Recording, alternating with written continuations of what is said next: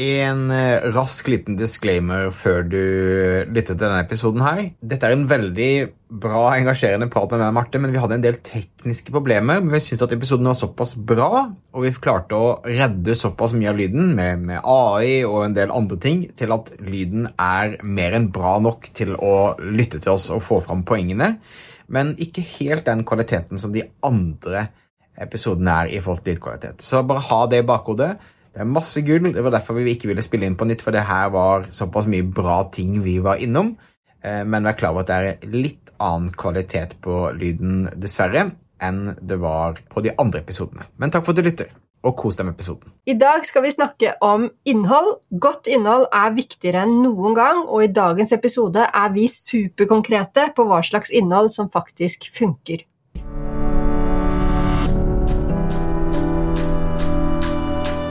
Velkommen til Netthandelspodden. I denne podkasten guider vi deg gjennom hvordan du kan drifte og skape vekst i din nettbutikk. Vi har lang erfaring innen netthandel og ønsker å dele alt vi har lært og nettverket vi har bygget opp, til å gi deg enkle, konkrete råd som du kan ta i bruk i hverdagen din. Hver episode har et ressursark knyttet til seg som du kan laste ned på netthandelspodden.no.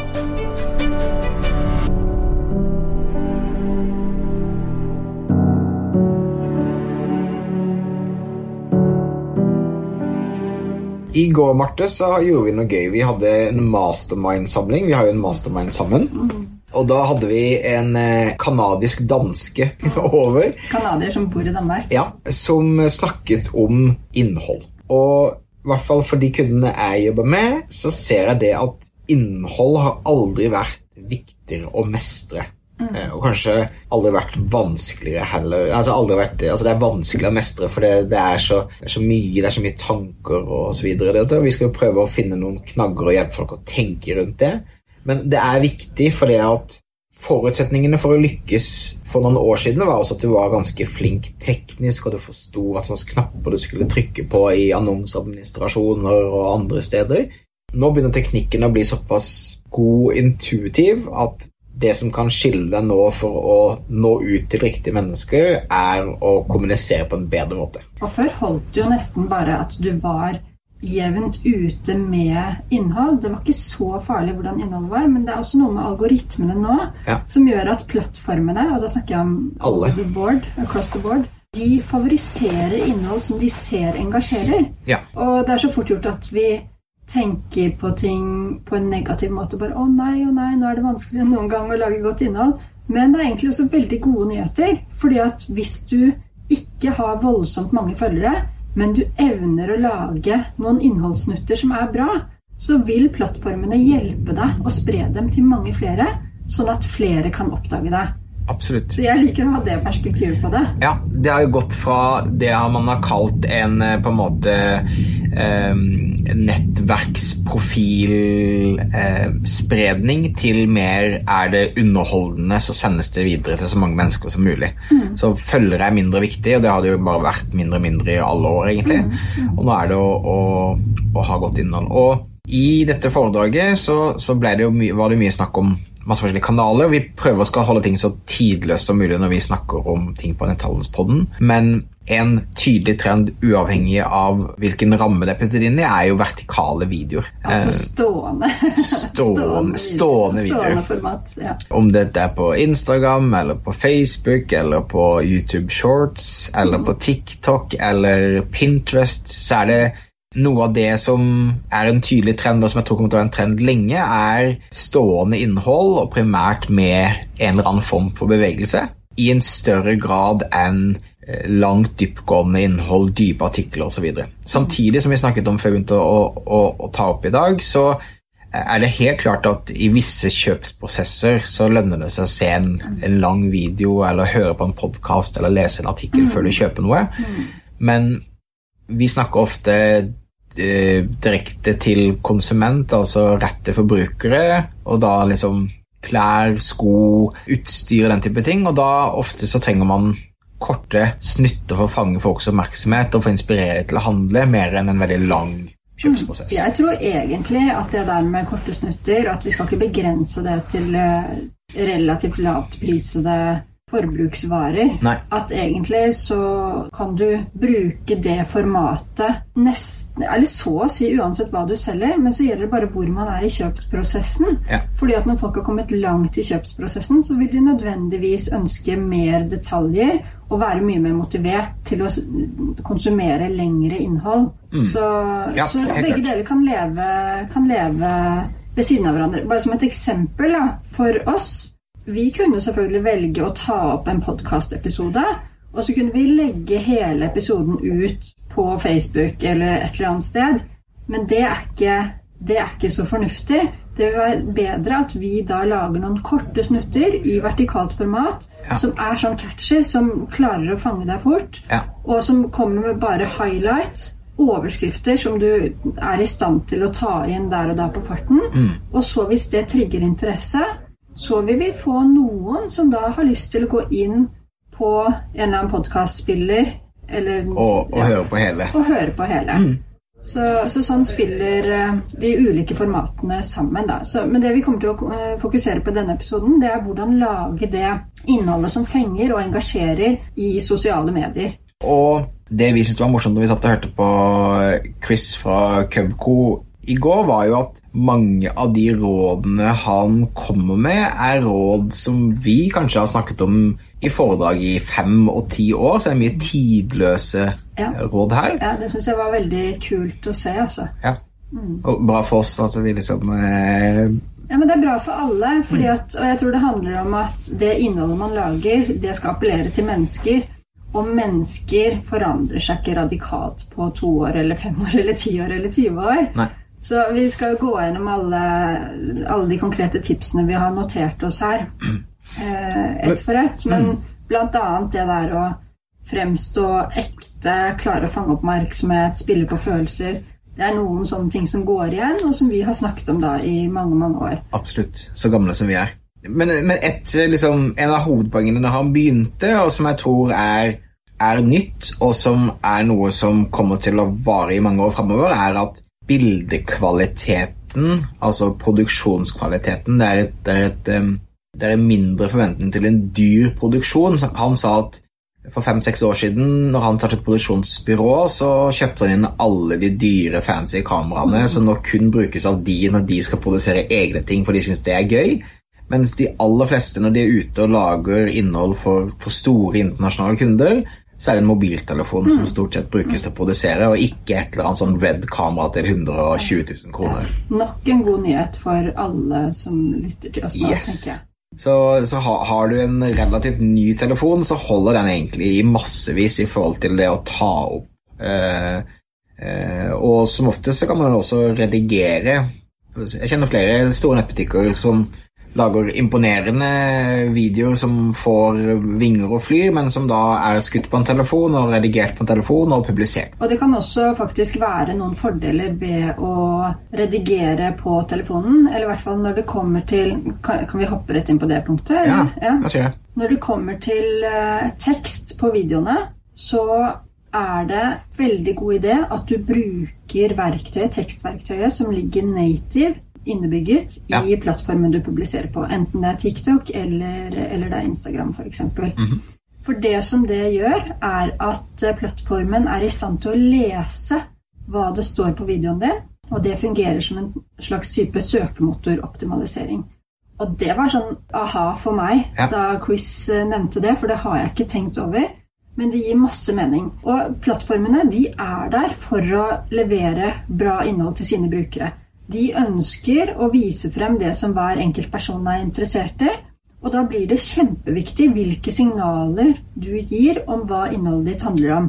Og de kan selvfølgelig lytte til hva du sier, men det der at det står konkrete ord som beskriver innholdet ditt, det vil hjelpe deg å få bedre, bedre spredning. Mm. Sånn at hvis vi skal dele noe av vårt innhold, selv om vi forsøker å lage Nå har vi ikke forsøkt det ennå, men, men lage et eller annet sånn kult, morsomt, catchy, rart, et eller annet, så bør vi ha med ordet netthandel i teksten i hashtags. For å fullføre det, det å ha visuelle hint til hva man ser på videoen med tekst, med emojis osv., er bra. Det å oppsummere hovedpoenger som liksom det, det dukker ned osv. Altså, så bruk aktivt uh, verktøyene for å legge hjelpler på plass. Mm.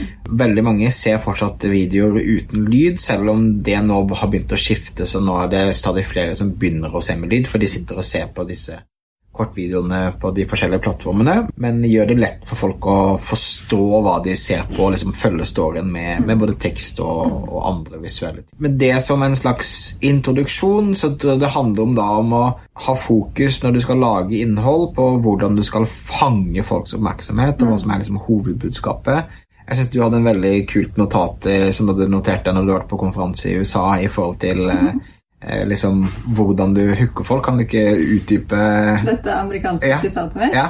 ja.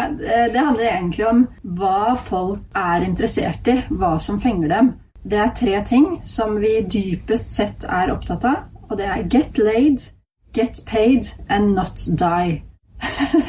og det vil egentlig si at vi get laid, vi ønsker å fremstå attraktive og da sånn dypere sett for at vi skal kunne formere oss ja.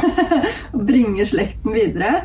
Eh, men det kan man jo se. altså Hvor mye innhold handler ikke om hvordan ta deg ut, sminkevideoer, forskjellige sånne ting. Eh, eller trene for å bli fit. Og så mm. har vi get paid, hvordan tjene penger for å overleve. Ja. Og not die, eh, altså holde oss friske og Trygge og gode. Ja, ikke sant? Ja. Så det, det, springer ut fra sånn helt grunnleggende ting i oss selv. Men det er sånn som folk er, er interessert i, da. Ja. På, kanskje på et ubevisst plan. Ja. Men, men, det der at du, at du, hjelper folk med en av de tre tingene Putter i en av de bøttene når man skal få oppmerksomheten deres. Mm. Det, det, tror jeg gir, gir veldig mening. Og så tror jeg at det, det å teste ut forskjellige måter å få oppmerksomhet på er viktig.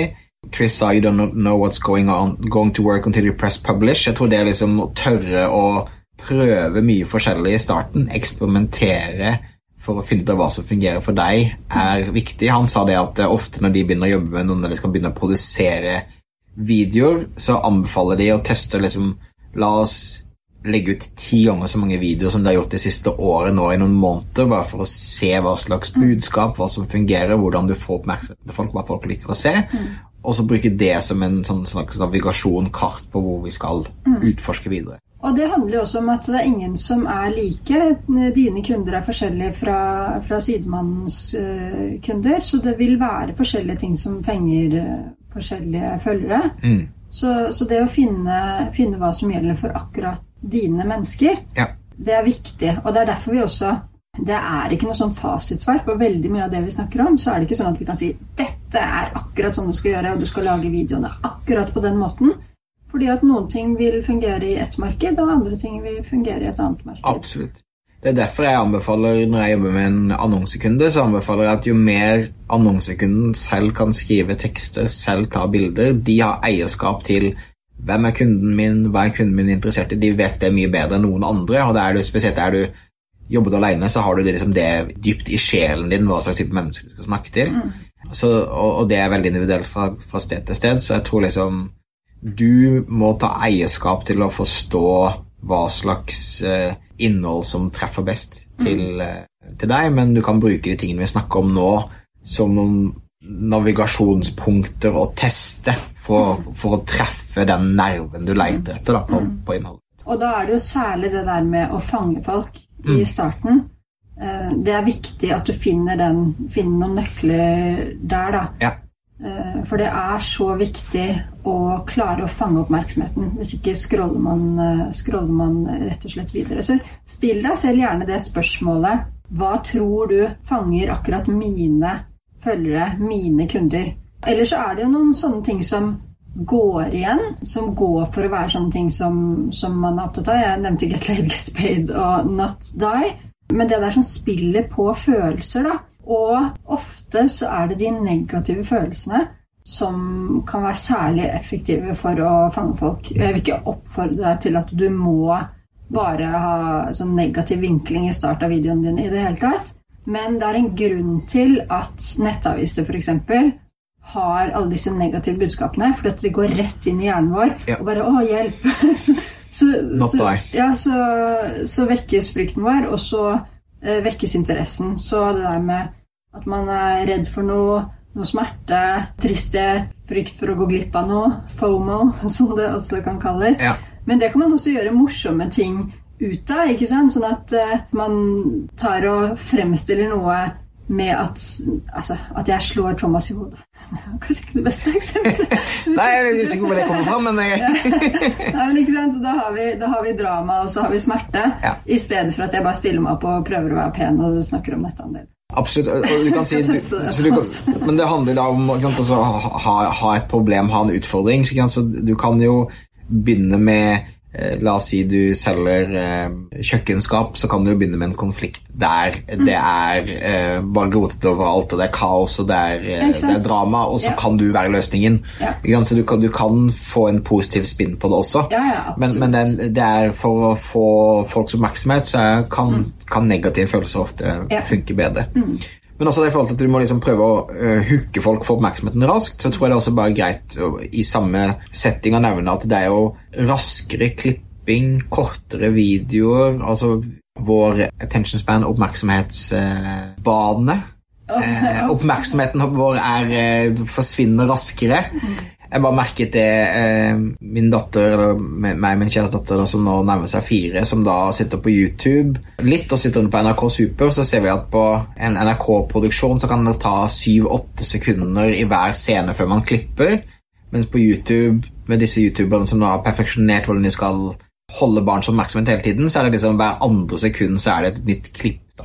Så- Som er vondt å se på, og liksom en grunn til at jeg begrenser skjermtid såpass mye som jeg gjør, men poenget er at eh, det funker å ha rask klipping, raske budskap osv. Og det er jo en helt annen diskusjon det der med hva de gjør med oss, og jeg er ikke spesielt positiv til det i det hele tatt. Men det som skjer når vi utsettes for så mye innhold som er såpass kjapt klippet, det er at vi får sånn dopamininnsprøytning, sånn rask dopamin. Stadig vekk bare Oi, det skjer noe, det skjer noe, det skjer noe. Sånn at vi får sånn påfyll og blir vant til å mates med at vi får disse signalene da, Ja. som lyser opp, uh, lyser opp i hjernen.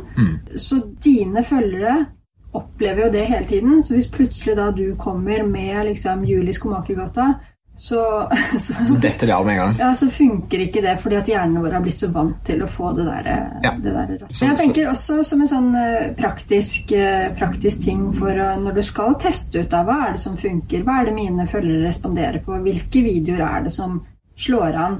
Noe du kan gjøre for å få inspirasjon, det er at du går inn på profiler enten i egen bransje eller i annen, eh, annen bransje, og så kan du se på alle reelsene, så ser du hvis en, følge, nei, hvis en profil har f.eks. 100 000 følgere, da, og så ser du at det er noen av reelsene som er sett 200 000 ganger, 150 000 ganger, 300 000 ganger, altså reels eller shorts eller eh, TikToks som har gått viralt, så kan du gå inn på dem og se ok, hva er det de har gjort akkurat her, og så prøve å lære, hente erfaringer fra det. Så kan du få noen ideer, så kan du teste det ut uh, i, på din egen eh, profil, dine egne kanaler. Absolutt. Jeg merket jo i forhold til Mastermind nå i går, så er det jo noen i gruppen nå som er veldig flinke på innhold, og noen som føler det ligger litt bak. Og så innstillingen til de som er veldig flinke til innhold, er de er nysgjerrige, de følger med, de sitter og ser på ting sjøl, de får inspirasjon. Mens kanskje de som ligger litt bak, også har liksom meldt seg litt av og ikke syns at det er litt overveldende å være alle steder og konsumere alle de tingene. Det forstår jeg også kjempegodt, men jeg tror da hvis jobben din er å lage innhold som inspirerer folk til å gjøre et riktig valg til å kjøpe produktene dine, så må du også da bruke tid som du er inne på da, og se på hva andre gjør, og bli inspirert og forstå hvorfor denne ene plattformen nå eksploderer versus den andre osv. At du må liksom ta litt eh, eierskap til å forstå det og, og gjøre deg noen tanker. da. Ja, absolutt. Og ellers sånn rent tematisk på hva du skal lage innhold om. Personlig syns ikke jeg det er vanskelig, men, men man kan noen ganger få sånn at man står litt fast. ok, hva, hva skal jeg gjøre? Så kan man jo bruke sånne verktøy som f.eks. Answer the Public, som også fins på norsk, der du bare skriver inn et uh, nøkkelord, og så får du masse forslag på hva, hvorfor, hvordan, den typen spørsmål knyttet til det ene temaordet. Og der kan man finne noen ganske kule ting som bare Oi, folk søker etter det, ja. De lurer på det knyttet til mitt produkt, løpesko eller- løpesko eller sofaer eller whatever du selger, Mhm. så, kan du, så kan du begynne å bli kreativ. Ok, hvordan kan jeg lage noe innhold rundt akkurat det spørsmålet? Sånne verktøy tror jeg er, er eh, kjempebra. Å kombinere det med sunn fornuft, som du liksom kan klare å tenke dette sjøl, og det å se på hva andre konkurrenter gjør, og hvordan det fungerer, tror du har en god eh, oppskrift på liksom eh, på den kreative fasen for å komme i gang og begynne å teste. Du nevnte eh, mastermind-deltakere som er skikkelig gode på innhold. Og jeg syns det er så gøy selv å, å studere dem. Og bare, de dukker opp i feeden min hele tiden fordi de er gode. Så, så spres innholdet deres. Og noen av de som er gode på innhold, det som går igjen hos dem, er at de er ikke så innmari selvhøytidelige. Ja. De tør å tulle og tøyse. De tør å være litt rare. Og det er sånn som funker. Ja, Den tiden hvor sosiale medier skulle være striglet og perfekte og sånn, den er definitivt forbi. Absolutt. Så du har mye større sjanse for å nå ut hvis du er deg selv, Ja. og hvis du i tillegg er en litt sånn rar versjon, den der litt gærne versjonen, eller sånn som kan være, være Skille deg litt ut, da. Og ikke være så perfekt, så, så har du stor mulighet til å nå igjennom. Vi så et veldig morsomt eksempel på det Be Weird, eh, som var liksom en av poengene til Chris. Da, der eh, Bose, som er jo et blodseriøst eh, audioselskap som på en måte hjelper å lage gode høyttalere osv., hadde noen, noen veldig merkelige, men veldig morsomme videoer på, på TikTok, Ja. som, som også da fikk mye spredning, og som skapte liksom mye oppmerksomhet. Som gjør at man skiller seg ut. Så folk liker litt sånn annerledeshet. Folk liker ting som føles eh, ekte. Og et annet var også morsomt eh, Make mistakes intentionally. Altså det, folk elsker jo å være bedrevitere i kommentarfelt. Og engasjement er jo positivt i forhold til at ting sprer seg. Chris fortalte at eh, for en kunde naturlig som sender sånne veganske produkter, så spilte de ofte på ting eller la inn feil eller rare måter å gjøre ting på, sånn at det skulle bli diskusjoner i kommentarfeltet osv. Ja, ja. Plutselig hentet de På en koke- ko- kokeoppskrift så hentet de plutselig da ut eh, smøret fra et tre ute i skogen istedenfor fra kjøleskapet, og så spør folk hva er det for noe for det, Ja. eller de spiste pizza opp ned og altså Ja. Gjøre litt sånn rare ting tror jeg også er bare med på at du skiller deg ut. da. Ja. Og en annen ting er altså det om man tuller og gjør ting litt annerledes og, og gjør noen feil på en måte bevisst og, og sånn, det er jo veldig ufarlig. Men noe som også er effektivt, men som kanskje krever litt mer mot, det er det å tørre å være litt kontroversiell.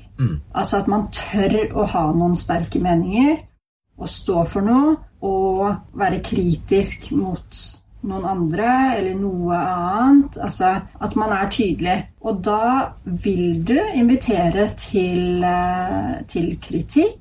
Du vil invitere motstemmer, men da er det helt bevisst. Og det du også vil gjøre da, er at det blir veldig tydelig hva du står for. Sånn at de som er de du ønsker å nå, da vil de kunne identifisere seg enda sterkere med deg, og du vil få det der engasjementet som er så positivt å få i sosiale medier. Så du vil få de som kritiserer deg, og du vil få de som tar deg i forsvar. Og så blir det en sånn fin, forhåpentligvis, fin eh, samtale Ja. i, eh, i kommentarfeltet. Og det er fullt eh, forståelig hvis man syns at det der er skummelt. Men det man f.eks. kan gjøre da, for det må ikke være kjempekontroversielt, men du kan ta tak i f.eks. noen myter rundt produktene dine. Og det vet du sikkert selv om det er noen ting som folk alltid tror sånn Hvis du selger eh, veganske produkter, da, og så, så får man alltid høre sånn Ja, men det er umulig å få nok proteiner. Altså, ta tak i den påstanden, og så kan du gjøre noe rundt det. Kanskje du kan gjøre noe humoristisk. Eller hvis det er noen misforståelse rundt, eh, rundt produktene dine. Eller du kan ta tak i hvis det er noen som står på helt motsatt side av deg. Ta tak i noe som de har sagt, og så løfte det frem og kommentere på det. Sånn at du inviterer til den diskusjonen. Det jeg tenker på én person med en gang som er veldig flink i sosiale medier. Det er Hanne Lene Dahlgren. Ja. Hanne Lenes vegetar, hun står jo hun er en såkalt vegetarentusiast, så hun fremmer at man skal spise mer vegetarisk. Men hun er ikke redd for å provosere. Hun, hun er ikke redd for å kritisere hvis hun ser noe som, som hun er uenig i. Mm. Og det vil si at ja, det koker ofte litt, litt rundt henne, men samtidig så har hun fått veldig mye oppmerksomhet. Og hun får spredt merkevaren sin og sitt budskap på brede flater. Og blir da også invitert til andre typer medier, altså sånn type TV, aviser også.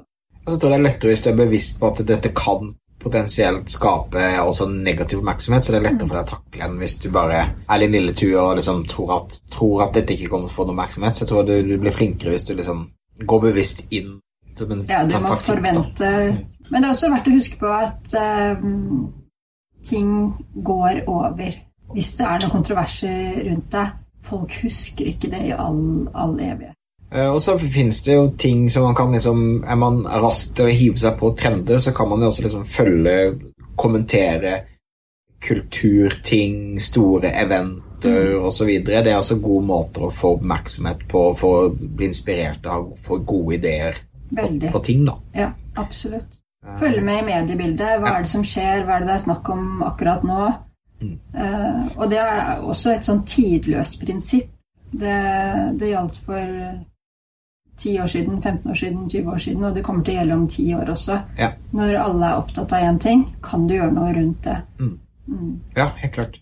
Og du kan også bruke kommentarer. Altså når folk har en dialog med deg, si at du bruker f.eks. spørsmålsfunksjonen på stories eh, på, på Instagram. Ja. Stories er jo Vi snakker mest om det med videoer og reels og, og shorts og TikToks. Mm. Men stories kan jo være et fint supplement, ikke sant? for der har du den muligheten til å kommunisere direkte og få feedback Ja. direkte og engasjere følgeren din på den måten. Mm. Og der kan du velge da å plukke ut både derfra og fra kommentarfeltet spørsmål du får, og så kan du lage innhold basert på det spørsmålet. Da blir det også en sånn fin greie at folk ser at oi, jeg blir hørt. Absolutt. Få litt sånn community-feel eh, på det. Inkludere. Og jo mer folk føler seg inkludert uh, i innholdet, jo lettere er det for andre å engasjere seg. Mm. Og, og jeg har også lyst til at min kommentar blir datt.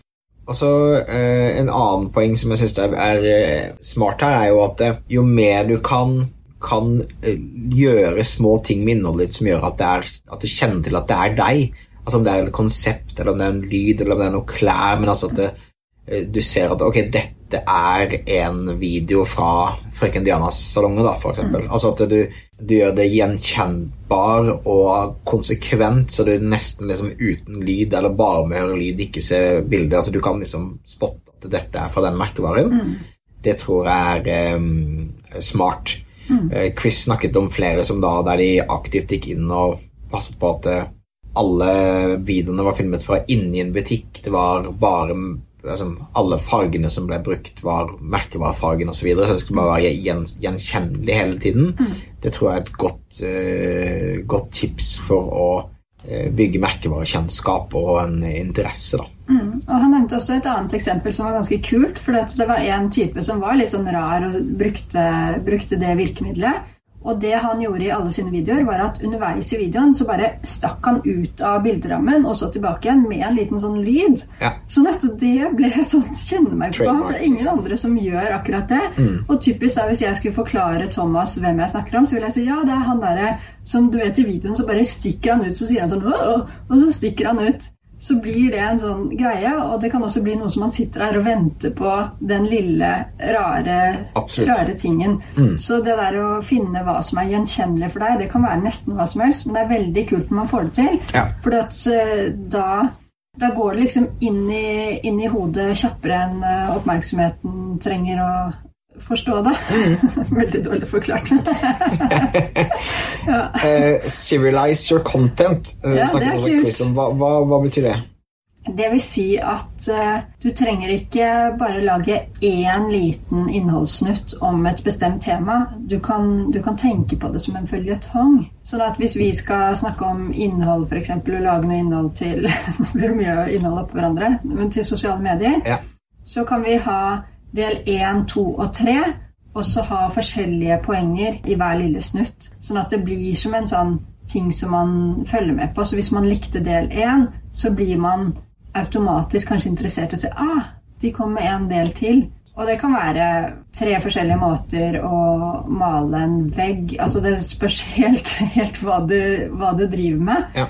Jeg tror også da, altså resirkulering av innhold. altså jeg tror, La oss si da igjen eh, de som selger møbler eller eh, setter opp kjøkkener eller hva som helst kan nok finne videoer som de tok for lenge siden, og klippe om og bare ha kanskje en annen, stemme eller annen tekst på det og bruke om igjen. Så du, man har ofte mye innhold fra før av mm. Som man kan da klippe om og bruke igjen. Eh, eller man går tilbake på liksom, hva gjorde jeg forrige sesong, og bruke mye av det som fungerte bra da også. Mm. Det ser du at avisene gjør også. Mm. Altså, Du ser nøyaktig de samme overskriftene i Dagbladet etter nyttår. Det er helt nøyaktig det samme. Yes. Også i mars så finner du den med et eller annet. Ja. Men jeg vil nesten si at man kan gjøre det enda enklere Thomas, enn å ta og klippe om og sånn. Selvfølgelig er jeg for det også. Men du skal ikke være så redd for å bare bruke én innholdssnutt om igjen. Helt rent, akkurat, akkurat, som den var. Absolutt. Hvis du viste noe for to år siden, da er det sannsynlig at x prosent av følgerne dine sier at Kanskje 8 av følgerne dine så det på det tidspunktet. Og så har det gått to år i mellomtiden og 400 milliarder eh, andre, andre Jeg tror du til og med kan poste det samme neste uke og likevel ikke få liksom, Ikke sant? Så du vil, nå, du vil nå andre mennesker, og hvis det funket For du vil jo antagelig ikke poste det som var dårlig, igjen og igjen. Mm. Du poster det som virkelig var bra. Så hvis det funket, så vil jo folk, hvis de husker at de har sett det før, så vil de bare være glad for å se det en gang til. Så, så, ikke vær redd. Ikke gjør det vanskeligere for deg selv enn det trenger å være. Hvis du har noe bra innhold, bruk det om igjen. Ja, Senk terskelen både for å teste og for å gjenbruke. Og en del av det der med å gjenbruke, det er å være litt sånn strategisk smart når du lager innhold. Hvis du lager noe sånn langt innhold da, som kanskje skal på YouTube f.eks., Eh, hvor du går noe dypere. At du faktisk tar og tenker ok, hvordan kan jeg bruke dette i sosiale medier? At du tar og deler det opp. Si at du kan få ti skikkelig bra innholdsdeler til ja. sosiale medier ut av det. Og i tillegg at eh, hvis du nå kanskje bare er på Instagram, at du begynner å bruke reelsene dine, publiser dem til TikTok og publisere dem på YouTube Shorts. Jeg syns vi kan kom eh, kommentere på YouTube spesifikt, ja. for der er det faktisk en mulighet eh, Det er ja. ikke så mange som bruker det. Nei, og spesielt ikke i det norske markedet. Så det Chris hadde et poeng på, det er at det er, liksom, det er færre videoer enn det er etterspørsel på YouTube Shorts, så, sånn som det er akkurat nå. Og det for merkevarer som da syns jeg kanskje er skummelt de følger med å lage ut lange, proffe videoer ut på YouTube osv. Legg reelsene dine og TikToksene dine ut på, på, YouTube på kanalen din der. Så får du masse distribusjon, og du får følgere, og noe du kan bygge ut videre på. Mm. Og du skal også bruke betalt annonsering og sånn også. Ok, Vi har snakket om det der med å holde det, holde det kort. Du skal ikke være så redd for at det blir akkurat litt for raskt. Det er en balansegang at du skal ikke provosere følgerne dine. Du må se an hvem som er i din målgruppe. Mm. Hvis det er damer 65 pluss, Kanskje du skal skru tempoet litt ned, men hvis du henvender deg til 20-30-åringer Du kan ha temmelig høyt tempo, så høyt tempo at man kanskje ikke får med seg alt med en gang, sånn at man ser den videoen din tre ganger. Ja. Det spiller veldig positivt for å få plattformen ja, til, å, til å dele til flere. Og det fins også en del uh, interessante funksjoner som plattformene legger opp til. F.eks. det der å eh, Duett. Ja, duett. At mm. du stiller opp videoen din sammen med en annen video, eller at du lager sånn reaction til det ja. noen andre gjør. Ja. Det er også sånn som funker, eh, funker veldig bra. Det er også til, altså Bruk plattformens verktøy og mm. lek med funksjonene. Plattformene ønsker du skal bruke det, så de vil også belønne deg hvis du mm. bruker det. Og det gjelder jo også for de fremtidige funksjonene. Nå vet ikke vi akkurat hva plattformene kommer til å tilby av funksjoner om ett år, to år, men de prinsippene som vi har listet opp her, de vil være gyldige også om ett år og to år og tre år og fem år. Sånn at når det da har kommet noe helt nytt som de legger til rette for at du kan bruke, ja. ny funksjon, hopp på det tidlig, ja. for da vil du få en fordel kontra de som venter. Og så synes jeg likte Chris liksom på slutten oppsummerte at uh, In hard times, remember, people will always want sincerity and less corporate. Altså jeg tror det er jo, jo mer menneskelig, jo mer ektefølt du lager innholdet uansett, så tror jeg det har en, en veldig sånn sterk effekt. Så hvis det, ting føles overveldende, og jeg må gjøre så masse forskjellig. Bare fortelle en god historie på en ekte måte. Jeg syns det er veldig fint og riktig å avslutte med akkurat det punktet der. For det vil gjelde til alle tider. Hvem du er, hva du om brandet ditt står for. Det er det du skal få ut, og du skal bare være deg selv fullt ut og være, være ekte. Mm. Beste råd vi kan gi.